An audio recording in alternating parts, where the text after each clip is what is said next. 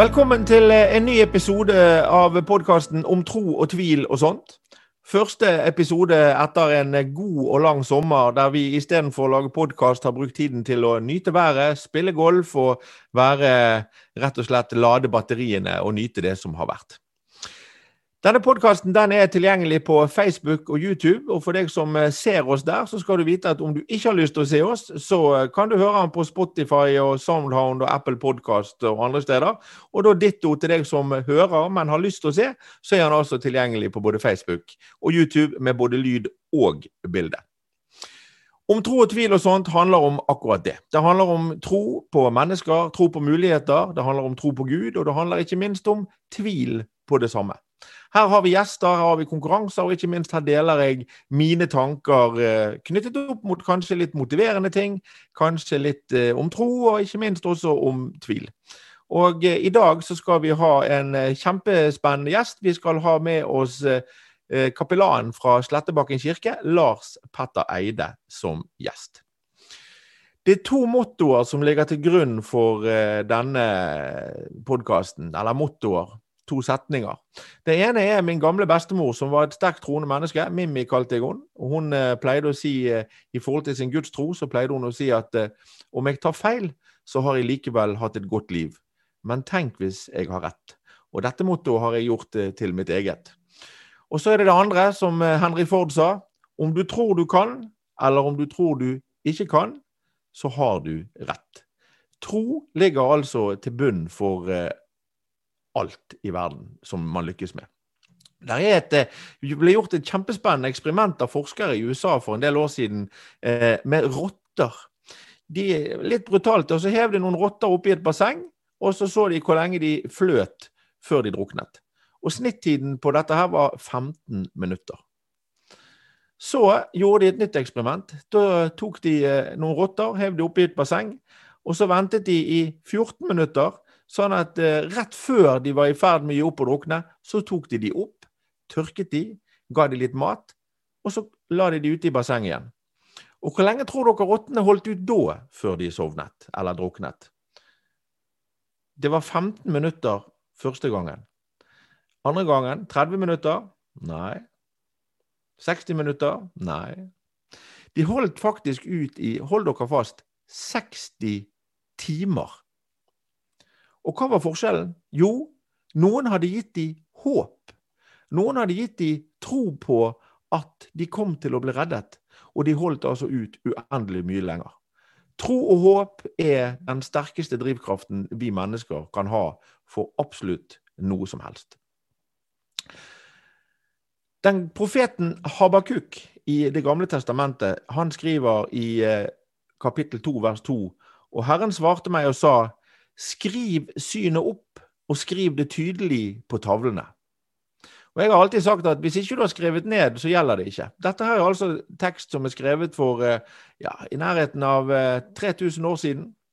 Skriv det ned. Det var litt mer komplisert å skrive ned ting i gamle dager. De måtte hakke det ut på steintavler. Kanskje de hadde noe pergament, hva vet jeg. Men det var i hvert fall veldig veldig mye mer omstendelig enn det i dag, når vi har all verdens apper og kalendere og notatblokker og alt hva vi ikke har, der vi kan skrive ned ting veldig lett. Men hvis ikke det er skrevet ned, så gjelder det ikke.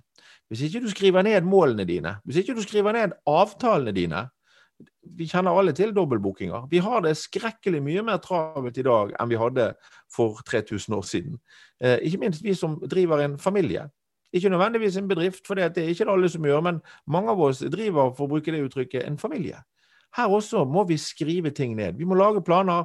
Og hvis alle vet hva familien skal hele uken, så blir det mye lettere for alle sammen å forholde seg til det som er planene, og vite og ha det samme bildet inni hodet. Og Denne visdommen den er altså ikke verken fra 70-tallet eller 50-tallet eller fra 30-tallet. Den er fra ca. 2700 år før dette, før dagen i dag. Skriv det ned, da gjelder det. Hver eh, uke så har vi en konkurranse. Og eh, siste sendingen før sommeren så hadde jeg et spørsmål som faktisk ikke ble besvart. Så jeg tar opp igjen det spørsmålet. Og jeg spør eh, enkelt og greit hva heter Jakob i den engelske bibelen? Hva heter Jakob i den engelske bibelen?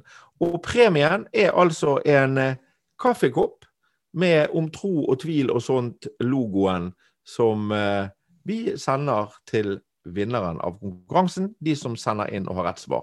Og sende inn, det gjør du på e-post. David, alfakrøllgenius.no. Hvis du husker navnet mitt, så husker du e-posten min. David, alfakrøllgenius.no. Hva heter Jakob i den engelske bibelen? Salomos ordspråk er også nærmere 3000 år gammelt og inneholder en hel bråte med visdom. Og I hver sending så pleier jeg å ta for meg en eh, setning eller et vers fra Salomos ordspråk og mene noe om det. Og I dag så har jeg plukket ut Salomos ordspråk kapittel 22 vers 29. Og der står det Ser du en mann som er dyktig i sin gjerning? Han kan komme til å tjene konger. Han kommer ikke til å tjene småfolk ser du en mann som er dyktig. Og da spør jeg, gjør vi så godt vi kan, eller gjør vi så godt vi gidder? Det å være dyktig det handler faktisk om å tilegne seg kunnskap, og bruke den kunnskapen på mest mulig erfaring, eh, på mest, mest mulig måte, sånn at vi får erfaring. Og Gjennom kunnskap og erfaring så oppnår vi altså dyktighet. Men dyktighet oppstår altså ikke av seg sjøl. Tenk gjennom f.eks. om du kan sykle. Kunne du sykle første gang du prøvde? Eller måtte du gå på trynet noen ganger og prøve før du eh, kunne sykle? Kunne du lage mat første gang du prøvde, eller måtte du gjøre det noen ganger før det faktisk ble godt? Det sies at det tar 10 000 timer å bli virkelig god i noe. Men eh, det er ikke sikkert at du er virkelig god i time nummer én, eller time nummer 100, eller time nummer 1000. Du må altså starte for å bli god. Hvis ikke du begynner, så blir det altså ingenting. Og holder du på lenge nok, og øver og prøver, så blir du dyktig. Og da sier Salomo da skal du ikke tjene småfolk, da skal du tjene konger. Og da kommer vi langt. Men det er opp til hver og en av oss, og det stammer alt tilbake fra det som er bak ryggen min her. Uten handling skjer ingenting. Da har vi kommet så langt at vi skal ta imot uh, ukens gjest.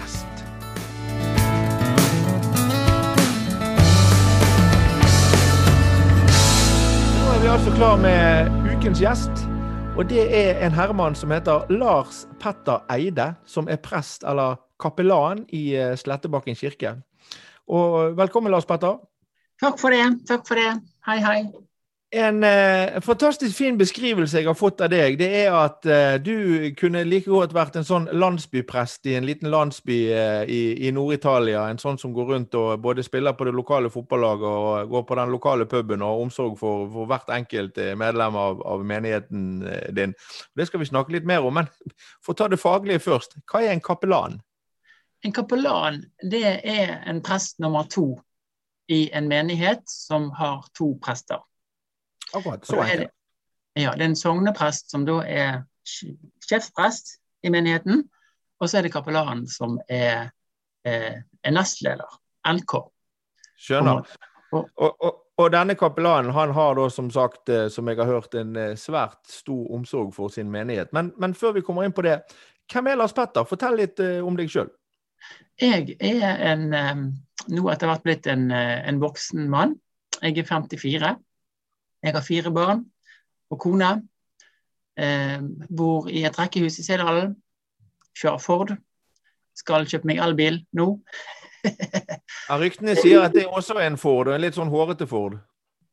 Eh, ja. Ja. Jeg har tenkt å kjøpe en med litt lang rekkevidde. Som, som ikke er så veldig dyr samtidig. Ja, så bra. Så ja. Jeg gleder meg til det. Spennende. Eh, eller så heier jeg på Brann, da. Jeg er vokst opp med Brann stadion som liten. Oppdaget eh, laget først når jeg flyttet fra byen. For da kjente jeg etter hvor jeg hadde røttene mine.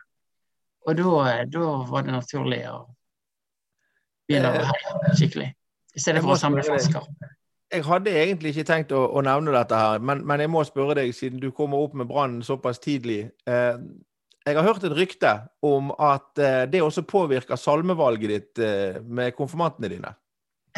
ja, det er, jo, det er, jo, en salme i, i, salmeboken. For de som vil, eh, vil slå den opp, så er det, tror jeg det er nummer 86. Eh, Iallfall det i gamle salmeboken. Navnet Jesus blekner aldri. Han har satt min sjel i brann. Sånn er refrenget. Så det er på en måte en salme vi også kan synge på stadion. Ja, fantastisk. Så det er litt fint. Ja. Ja, veldig bra. Mm. Ja. Men eh, hvordan står det til? Altså, En prest, du lever, du lever tett innpå mennesker, og du lever i en kirke, og du lever på en måte, i hvert fall, du i hvert fall eh, jobbmessig tett innpå Gud om dagen hver dag i hverdagen. Hvordan, men hvordan står det til med ditt forhold til Gud i hverdagen? Det, eh, det syns jeg er- fungerer bra. Ja. Mm. Jeg kjenner på at jeg har han med meg overalt. Han, sier jeg. Eh, Jo, jo, men det, jeg ser altså, om det, det er en han eller hun eller men eh, de av oss som er født eh, før eh, 1985, vi er jo oppdratt til å omtale Gud som han. Så det, at, eh, ja, Ja. det er litt sånn vanskelig greie. Ja, fordi at eh, jeg opplever at, etter hvert som årene har gått, så har Gud blitt enda større. Større Mm. og større, på en måte. Eh, og, og sånn har troen utviklet seg òg. Det, det er vanskeligere å si hvem han er, for han er så mye mer. Sant? Veldig mye mer enn det som vi kan sette opp på. Tidligere i, i denne podkasten, før du eh, kom med nå, så har jeg snakket om, om dette med håp. Og jeg opplever jo for min egen del, og det har jeg sagt i mange settinger, at når jeg torde For, det handl, det handl, for meg handlet det om å tørre. Når jeg torde å gi meg over til Gud eh, og legge livet mitt i hans hender og si det at ja vel, jeg tror på deg, og, og du har sagt at jeg skal legge alt til deg, så skal du ordne det til det beste. Eh, så var jeg mye mer stresset enn jeg er etter at jeg har gjort det. Altså Det å oppleve å kunne bare gå og legge ting til Gud, det har gjort livet mitt helt annerledes. Ja. ja. Sånn kjenner jeg det òg. Ja, jeg gjør det. Hvordan er det du som jobber så mye med, med konfirmanter og unge mennesker og sånn, hvordan opplever du at, at de aller yngste, altså de som tenåringene våre, eh, tør de å legge ting på Gud, eller er de redd for det? Jeg tror det at de, eh, de er veldig underveis. Altså, du kan jo kanskje om konfirmantene, som jeg har hatt uh, tusenvis av etter hvert. Ja. og som jeg nå er inne i mitt siste kull med her nå, da. Uh, jeg uh, jeg eh, har stor respekt for at ungdommer, at mennesker generelt, har, er underveis med troen. Og ikke kommet i mål. Og er en plass på veien. Og har, har Gud med. Så prøver jo vi som prester å minne, minne om at, eh, at det er godt å legge ting i Guds hånd. Eh, alle ting. Og at det på en måte gir en, en ro eh, over, over alle ting. Eh, men jeg, jeg, jeg, tror nok at det er litt, eh, det er litt forskjellig eh, stilt, og spesielt med ungdommer som, som eh, hvor det er veldig mye som skjer, veldig mye som forandres. Både oppe i hodet og med kroppen, og med tanker. Og jeg vet ikke helt eh, Ja, så underveis tenker jeg om de. At det, det skal de få lov til å være. Og Det er veldig spennende. Litt spennende, Lars Petter. For det er ikke ofte Altså, det å treffe et menneske og prate med et menneske som har vært tett på ungdom i 20 år, for det har du jo vært. Du har hatt konfirmantkull hvert år i 20 år. Ergo så har du altså omgått 14-åringer eh, i Ja. 20 år tett på. Hvordan har de forandret seg? Hvordan, eh, hvordan forandrer verden seg? Det er sosiale medier, og det er synsing og meninger, og du kan i dag så kan ikke de slippe en fjert uten at noen ser det på Snapchat eh, etterpå. Sant? Og hvordan ser du det som voksen og når du studerer disse ungdommene? Ja, jeg har jo ungdommer hjemme òg. Ja, det har du Så jeg, jeg må jo si jeg, jeg, henger jo ikke helt med lenger. Jeg, eh, jeg skulle ønske jeg kunne gjøre det, men jeg, jeg klarer ikke det. For det er så mye Det er så mange nye plattformer som de eh, som de møter hverandre på. Mm. Eh, en, en positiv ting med det er jo at, eh, at eh, de lærer seg språk mye fortere og mye enklere nå. For de, må, de kommuniserer med folk faktisk over hele verden, i den spillverdenen som finnes, blant annet. Eh, og mange lærer seg plutselig Ja, strevde kanskje med engelsken, men nå, nå, nå lærte de seg eh, den på en litt ny måte, Mm, mm. for eksempel. Eh, så det skjer jo mye mer på nettet nå enn, enn det var enn, altså, av kommunikasjon mellom ungdom enn det var før. Altså, det var jo diskoteker ute som de gikk på kanskje i gamle dager, skal vi si det. Mm. Kino går man på fortsatt. Men, Eh, men er, de, er de mindre med hverandre sånn eh, fysisk eh, før? Altså, Holder det at man møter hverandre på internett, eller er de like flinke å komme og være til stede som de var tidligere? Eller vil, vil de nesten ha konfirmasjonsundervisningen på, på, på nettet også? eh, I kirken, og jeg tror òg i idrettslagene og i korpsene og i det som, eh, det som samler eh, ungdom på, på fritiden, eh, så er det mye fysisk. Selv om de, de siste par årene har, har gjort at det har endret seg, har måttet endre seg pga. smittevern og sånn. Mm. Eh, men, men ellers, jeg, jeg tror nok det er mange flere som faktisk sitter hjemme på gutte- eller jenterommet sitt og kommuniserer eh, med hverandre der.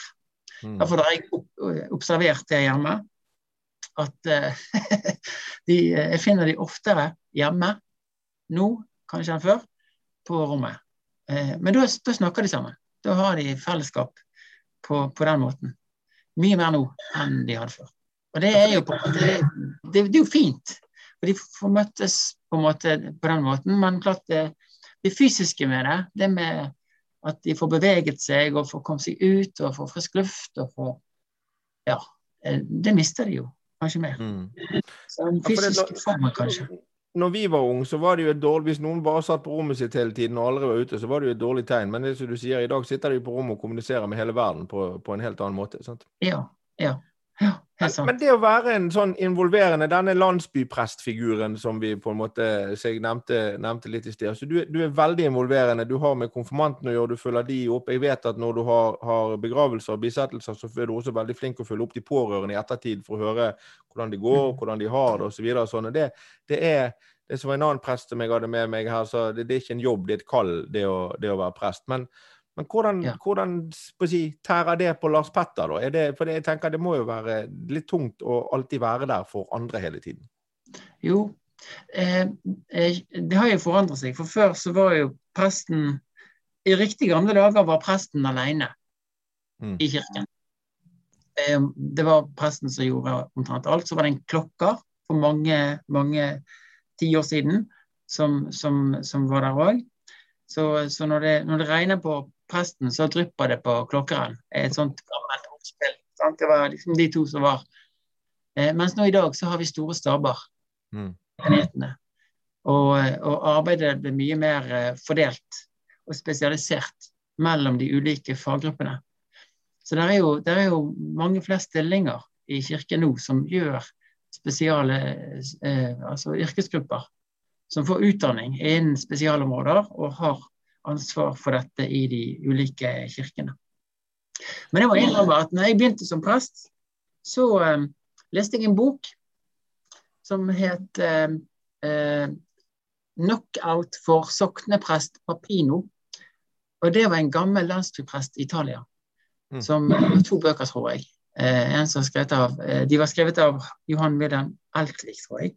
Og de var så fine, for de beskrev liksom denne landsbypresten i en liten landsby i Italia som var veldig spesiell. og veldig Det var humor, veldig god humor i de bøkene, og fine tegninger. og Eh, han eh, gikk ikke unna for en eh, real slåsskamp, f.eks. Hvis det Hvis det på en måte kom for en dag og ble, ja, var aktuelt. Han, men, men det var en prest som da gjorde alt, sant? og som bodde i kirken, og som hadde et krusifiks på veggen som han samtalte med. Eh, og da kom disse her, eh, den dialogen, samtalen om hverdagens opplevelser troens eh, underfundigheter, eh, utfordringer, og, og også troens gleder. Eh, så den syns jeg var så fin. 'Knockout for sogneprest Papino'. Det var, der, Den likte jeg. Den brukte jeg ned prekener, og masse sånne små drypp av forskjellige fortellinger.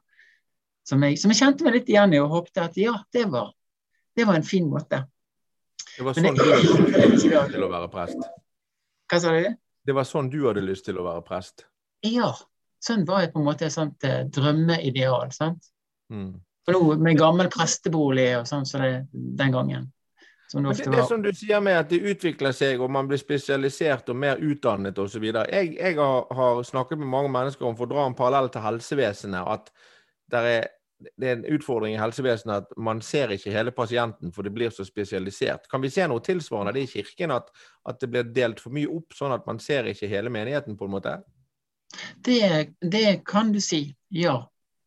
Eh, Men vi prøver å involvere alle ansatte så mye vi kan, eh, også i de ulike faggruppene. Så, så pedagogen kommer og spør om vi prestene kan være med, og diakonen tar vi med og, og vil ha oss med på ulike andre ting. Og vi prøver å samarbeide, eh, spesielt om, eh, om større ting som samler mange. Sånn at eh, eh, vi, vi prøver å involvere alle grupper. Så nå når vi endelig kunne ha en teoriundervisning for konfirmantene Vi hadde én, tror jeg, i år. Da samlet vi hele staben. Og så hadde de en stasjon med hver, faktisk.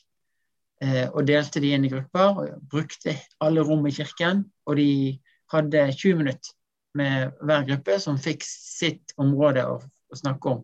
Da brukte vi Kristuskransen, som vi bruker i, i undervisningen. Da. En perlekrans med ulike valører og ulike temaer på hver perle. Eh, en krans som alle konfirmantene har fått, og som de har i lommen eller har rundt armen. Eh, så de kan bruke daglig, også utenom når de er i kirken.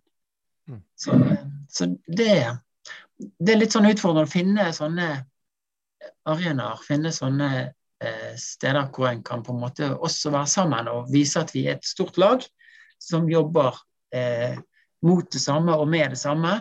Selv om vi har ulike felt, så, så jobber vi i samme retning. Og eh, mot det samme målet.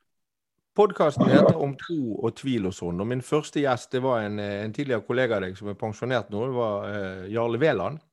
Ja, Uh, og Grunnen til at jeg hadde Jarle med som første gjest, det var fordi at han holdt en gang en preken der han snakket om tvil. Og der han sa, og den traff meg veldig, sant? for det, han sier det, det å tvile er nesten like viktig som det å, det å tro. Ja. Eh, hvordan har du det med det? Tviler du på Gud av og til? ja da, det hender. Jeg må innrømme det. Mm. Eh, spesielt når det skjer ting som ikke man forstår. Som er fullstendig meningsløst. Mm. Og det møter jeg jo egentlig ganske ofte som prest. Og må prøve å sette ord på håpet og på fortvilelsen og på det meningsløse. Um, og så kommer jeg ikke så langt. Og så blir ord fattige. Uh, men jeg har likevel uh, en tanke om at hvis ikke Gud hadde vært der i det hele tatt, så hadde det vært enda verre. Mm. Da hadde ikke hatt noen å klage til og anklage og rope til engang. Eh, så jeg prøver kanskje òg å si noe om det, men, men, men tvil kommer jo òg, sant. At eh, hvordan, hvordan kan det finnes en Gud når det skjer så mye? Han skapte jo en gang alt fullkomment. Er det det vanskeligste med å være prest? Det å, det å på en måte, i, når du møter mennesker i en helt fortvilet situasjon, og prøve å gi dem håp? Er det kanskje en av de største utfordringene du har som prest? Definitivt. Mm. Eh, Det er det. Ja.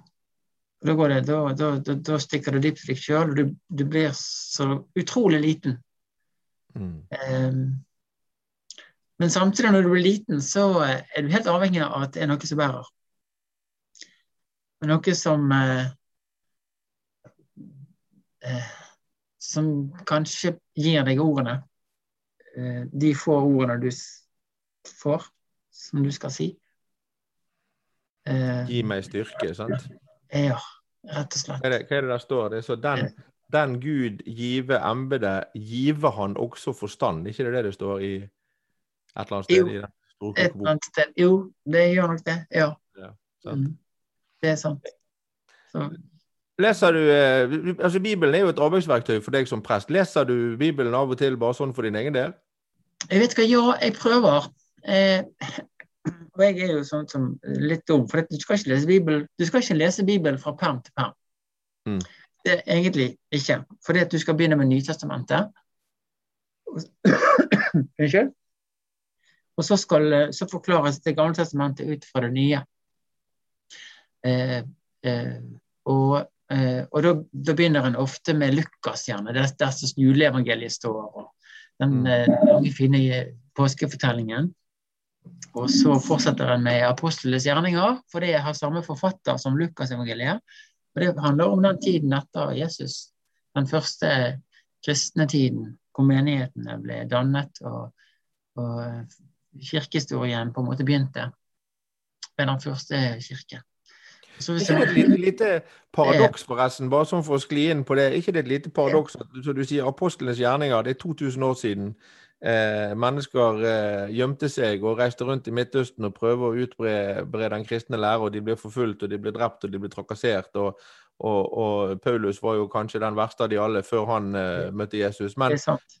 Ja. i dag, i Midtøsten, så foregår det jo på akkurat samme måte. Ja. ja, det er sant. Det er et paradoks. Sant? Det er det. Ja. Og det er veldig ja. Det er morsomt at, eller morsomt, men veldig interessant at Salomos ordspråk, som jeg leser daglig, som ble skrevet for 3000 år siden, eh, det er jo ikke noe nytt på 3000 år. Det handler om troskap, utroskap, ærlighet, eh, pålitelighet, eh, soliditet, kunnskap, visdom Mm. osv. Mennesker har jo ikke utviklet seg en puck. Vi har bare fått masse nye teknologiske dingser. sant. Ja. Så den er vis, den som klarer å løse Midtøsten-problematikken. Den må, den må få stor visdom fra Gud, og stor tålmodighet og stor raushet. Og en stor evne til eh, tilgivelse og vilje til å leve eh, sammen med, Mm. med mennesker som ikke nødvendigvis tenker det samme som seg sjøl. Og det, det er en veldig, veldig stort, eh, stor oppgave, det. Eh, Foreløpig har det vel kanskje vært en overmenneskelig oppgave. Ja, Du sa et veldig viktig stikkord der, med tilgivelse. For det er jo også noe med altså Det står jo veldig sentralt i, i eh, det kristne budskap, dette med tilgivelse. Men samtidig så opplever jeg at mennesker forveksler tilgivelse med å glemme. Det at du tilgir noen, betyr at du går videre, men det betyr ikke nødvendigvis at alt er glemt. Nei, nei, det er sant. Det er sant. Ja. Og, og jeg, pleier, jeg pleier ofte å si det at hvis jeg, sånn som når jeg holder foredrag, for eksempel, sånn, så, jeg, så drar jeg en historie og sier når jeg var på vei hit i dag, så var det en eller annen idiot som kom foran meg i trafikken og bare skar inn rett foran meg, så jeg holdt på å kollidere med han. Og jeg ble lynforbanna. Jeg sto på fløyten og jeg viste både fing og alt mulig, og det var det, fremdeles ikke kom meg helt nedpå ennå. Jeg er rasende på denne idioten. Eh, Mm. og vedkommende kom hjem til sin kone og sa jeg lurer på om jeg møtte en jeg traff, eh, traff en jeg kjente i trafikken i dag, for han eh, fløytet og vinket. ja. Og hvis jeg nå går og bærer på den der forbannelsen og han er idioten i trafikken i timevis utover dagen, det ødelegger jo ikke dagen hans, det ødelegger jo bare dagen min. Din. Helt sant. Helt sant. Så det er en eh, Det er også en, en, en viktig evne til å ja, til å, å kunne gå videre uten at du bærer ting med seg. Men det, det er ikke lett, da. Nei, det er det ingen. Men det er sier det er lett. Og ikke det er litt interessant? Nå vet jeg ikke hvordan du som prest opplever det. For det, som prest så tar jo på en måte folk som en selvfølge at du si, er en kristen og lever deretter osv. Men, men jeg opplever jo at jeg som på en måte har si, kommet frem i voksen alder og, og står for at jeg har blitt en kristen, for jeg har hatt en reise på dette. Så er det altså Ja. mennesker som kommer til meg, og så ser de meg og sier Ja, hva er det? Tror du at alt bare er rosenrødt fra nå av, da, liksom, for nå har du blitt en kristen? Og det handler jo ikke om det. Nei. Overhodet ikke. Du er menneske fullt og helt. Sant? Det er alt, så det, alt som hører med. så det er jo Ja. Men det, men det fantastiske er at jeg alltid får nye sjanser av Gud. Det er det som holder meg oppe, for jeg er ufullkommen. Jeg, eh, jeg er en dritt, egentlig. For å si det litt sånn du får dra den litt langt, da. Men, Men, men, men jeg, jeg trenger alltid nye muligheter. ja, får- men det gjør vi jo alle. Men da, okay, da, men som, som ufullkommen person, prest i Den norske kirke, eh, ihuga brannpatriot, så vet jeg at eh, det er ikke lenge siden du sto på et presteseminar, eh, eller for, i hvert fall ansatt i kirken, og holdt et innlegg der du snakket eh, om fordelen med røykepauser. Ja, Ja, det er helt sant. Det, Ja. det er jo lasten min, da. Ja. Eller, ja. Så det, det er sant. Det er viktig å, um, å kunne finne luker i livet. Det er jo ikke en, det er en luke jeg, som jeg har, har da, som jeg bærer med meg som eh, en last som gir meg ulike luker, som jeg eh, ja, bærer med meg. Fri, frivillig, kanskje. Jeg skulle kanskje hatt de lukene uten den her eh, røkelsen, da, men, eh, men det er For meg er det, er det, jo, eh, er det jo sånn at jeg eh, har den. Og, og det gir meg luker i dagen som gjør at jeg kan reflektere. Eh, men ja, men det det var det. Det var akkurat det jeg ville frem til. For det er viktigheten av å ta en timeout, viktigheten av å ta fem minutter, stoppe opp og tenke hvor er jeg, hva skal jeg, hva gjør jeg, hvorfor gjør jeg dette? Det gjør jo Altså, jeg betrakter meg sjøl som en røyker, men jeg sluttet å røyke i 2012, så det er snart ti år siden. Ja. Men, men jeg er fremdeles opptatt av akkurat det. Fem minutter og gjøre noe Mm. helt annet før jeg skal gjøre neste oppgave. Og jeg, for, Ja. så Derfor Ja. lo jeg litt når jeg hørte det. For det, der er spot on helt akkurat sånn som jeg òg mener. Ja da. Ja, jeg, jeg, var jo, jeg var jo utenfor her nå, før vi, før vi skulle møtes. Jeg må jo innrømme det. Med en kopp kaffe og litt sånn. Men eh, ja, det er viktig med luker. Det er viktig med pauser. Det er viktig med hvile, Mm, faktisk. Eh, ikke kjøre på hele Du, tiden. Lars Petter, jeg har lyst til å, touche inn på et annet kapittel i livet ditt også. For jeg vet at du er heimevernsprest. Eller har vært, i hvert fall. har vært. Jeg, ja, nå måtte jeg si opp fordi at eh, denne Jeg skal jo begynne en ny jobb. Ja, Det skal, har jeg også tenkt å komme inn på. Men la oss ta det først. da. Du, eh, etter 20 eh, år i Slettebakken kirke 20 år i Slettebakken kirke, så skal du altså begynne på eh, helt nye ting. Fortell om det først. Ja, jeg skal begynne som sogneprest i Åsane eh, om en uke. Eh, litt over en uke. Og det blir nytt og spennende. Og det eh, Jeg har jo vært 20 år her og har gått og tenkt at kanskje jeg blir kapellan til eh, evig tid, eller til jeg blir pensjonist. Det hadde vært grådig kult å vært, vært med ungdommene og vært, hatt ansvar på en måte for, for det. Eh, og vært nummer to-prest eh, så lenge. Det hadde vært gøy. Eh, Så det på en måte tenkte jeg på for et par år siden. Jeg, jeg er jo her sammen med Tor Brekkeflat, som er sognepresten min. Han er fantastisk å ha som sogneprest. Eh, og en veldig, veldig god venn, så vi òg har Vi sitter jo på stadion ved siden av hverandre. Eh, til meg. Eh, så, så det kommer vi til å fortsette med etter, etter jeg, eh, jeg begynte i Åsane. Men så, så kommer det jo tanker inn. Påminnelser inn av og til. Og jeg, når de har kommet, så har jeg på en måte tenkt nei, jeg vil være her. Ennå en tid. Men så tenkte jeg nå for påske når det kom, at dette skal jeg kanskje tenke over. For det kom så Det kom som lyn fra klar himmel. Jeg hadde ikke tenkt tanken når, eh, når jeg kom.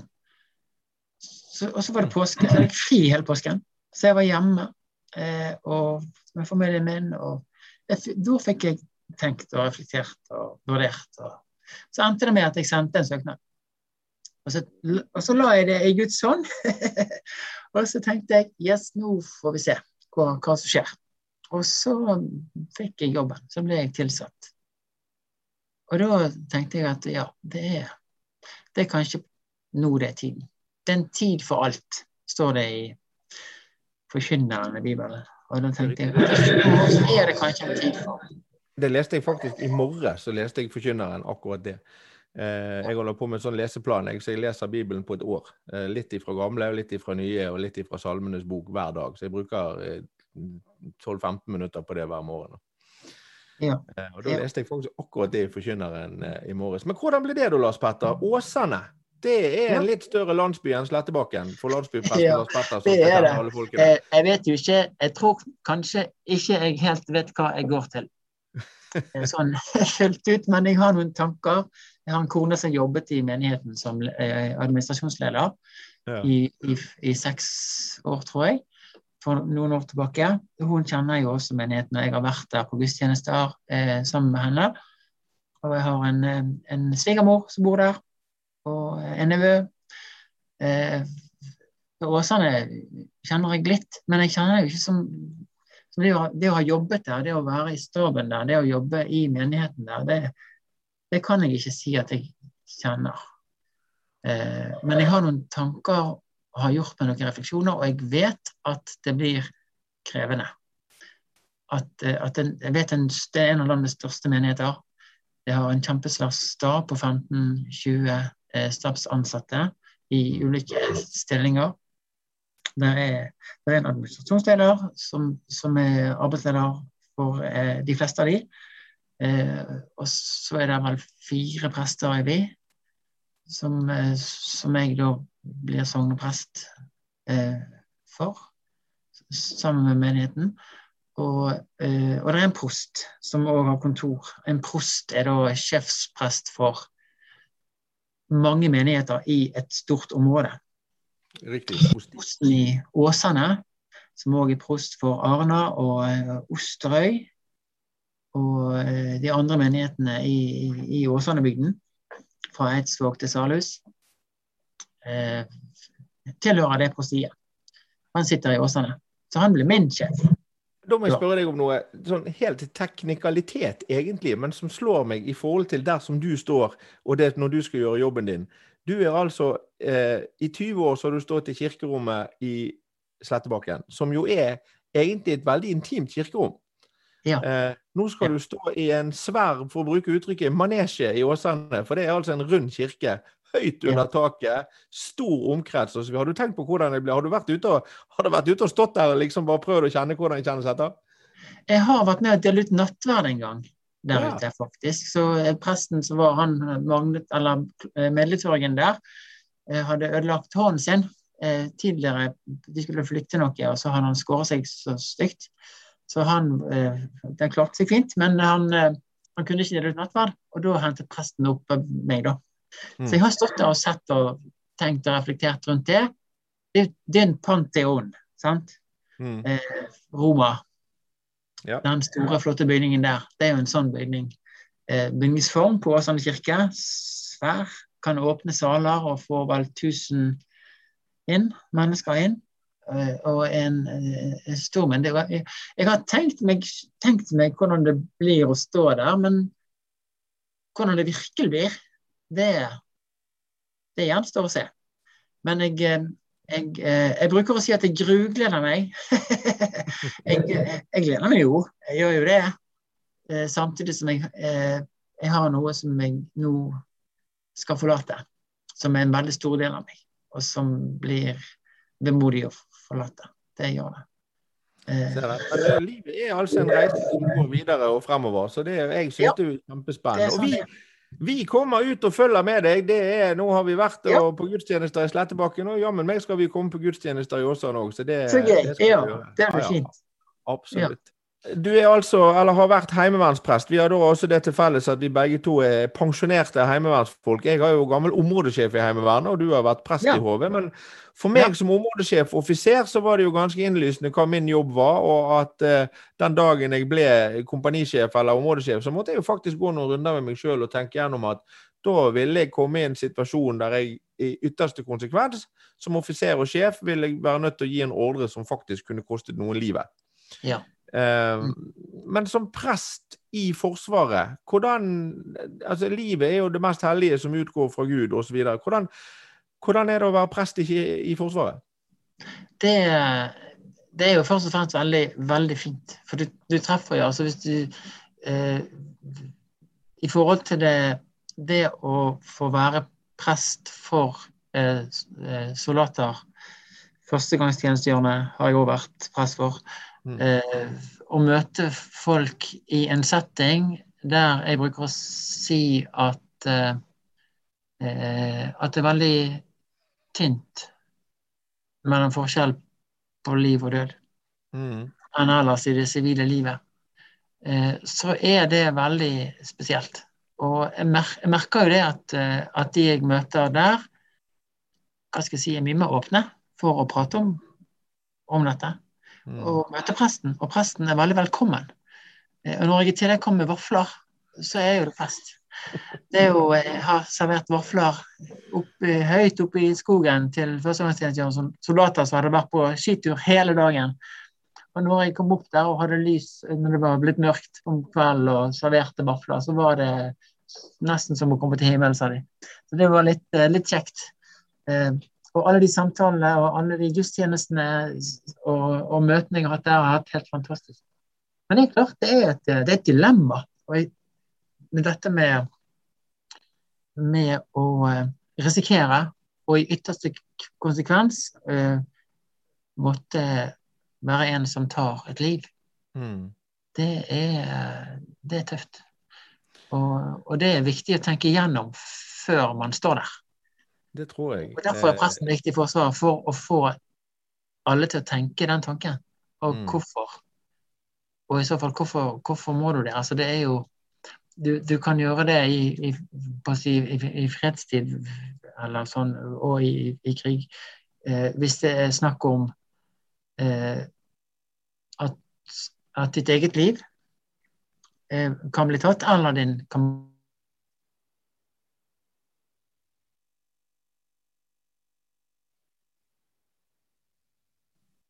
Så har du eh, det i fredstid. Og hvis, hvis det er i krig, så er det så er det jo òg andre ting som skjer med, med å eh, som, som, spiller inn i, i, forhold, i forhold, til, eh, til at du er i eh, eh, du, du, forsvarer din egen frihet, ditt eget lands eh, frihet og selvstendighet, og må, må kjempe for det. Og, og, det skjedde under krigen. Og mange liv gikk tapt. Og en dyrekjøpt frihet som vi har eid. Hvordan er det da, Lars Petter, i forhold til for vi snakker, altså, Når vi snakker militær, liv og død osv., og så en prest forretter også i begravelser osv. Så du lever jo som prest så lever du mye tettere på døden enn en folk flest, på en måte. Jeg har, jeg har, sagt i mange sammenhenger at i dagens samfunn så gjemmer vi vekk døden. Det, det, å dø er jo like naturlig som det å bli født. Vi skal, vi skal liksom den veien alle sammen. Og så har jeg hatt noen betraktninger om, om begravelser i kristen kontekst eller i humanetisk kontekst, der, der vi, mm. eh, vi har i hvert fall et håp og en tro. Eh, ja. Mens de, disse andre begravelsene de er så trist, for da er det bare slutt og ferdig. Mm. Men du lever jo veldig tett på døden som prest. Ja. Kjenner du på din egen dødelighet på en måte også, da, på en annen måte? Jeg vet hva, ja. Eh, jeg vet jo det. Når jeg røyker i tillegg, så tenker jeg at uff. Det må jeg slutte med. Men jeg klarer ikke det ennå. Og så eh, Så det tenker jeg litt på og vet at det er en gang er det slutt. Det, mm. det er en del av naturens gang. Men, eh, men det, å, det, å, det, å, jobbe med å møte mennesker som opplever sorg, og som har mistet noen, det er noe av det viktigste jeg gjør. Og kanskje også noe av det fineste jeg gjør. Mm. Jeg merker det Der kommer det samtaler om tro. Eh, veldig mye lettere enn kanskje i andre sammenhenger og samtaler. Så der er jeg på en måte ja, ja, nært på. Jeg kjenner på at vi kunne sittet her i timevis, men eh, vi nærmer, oss, eh, vi nærmer oss slutten. Det er jo fantastisk kjekt å, å, prate med deg. Og jeg tror nok jeg her og nå skal varsle at uh, når du har vært sogneprest i den store landsbyen i Åsane i noen måneder, så skal jeg nok ha deg tilbake igjen her for å høre hvordan du har det. Så hyggelig. Ja, ja må, jeg, jeg kommer gjerne. Ja. ja, så bra. Men da er vi altså kommet til, til veis ende. Tusen takk til Lars Petter som har vært med i dag. Og, og, som vanlig så må jeg få lov å takke min sønn og nærmeste medarbeider Jon Edvard, eller AKA Lillemann, som er den som styrer dette her eh, teknisk. Du som lytter eller ser på, hvis du har innspill eller kommentarer, så er du hjertelig velkommen til å sende en mail til david.genius.no. Og eh, neste uke er vi tilbake igjen med en ny gjest som faktisk ikke er helt avklart ennå, men det kan bli, eller kommer til å bli spennende uansett.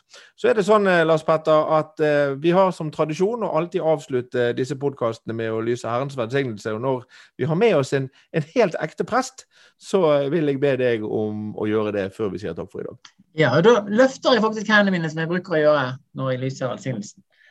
Her jeg mm. sitter. Herren velsigne deg og bevare deg. Herren la sitt ansikt lyse over deg og være deg nådig. Herren løfte sitt åsyn på deg og gi deg fred. Amen. Åh, oh, det var godt. Takk for i dag, Lars Petter, og eh, takk til deg som var med oss. Tusen takk for at jeg fikk være med. Det var koselig. Ja. Ha det godt.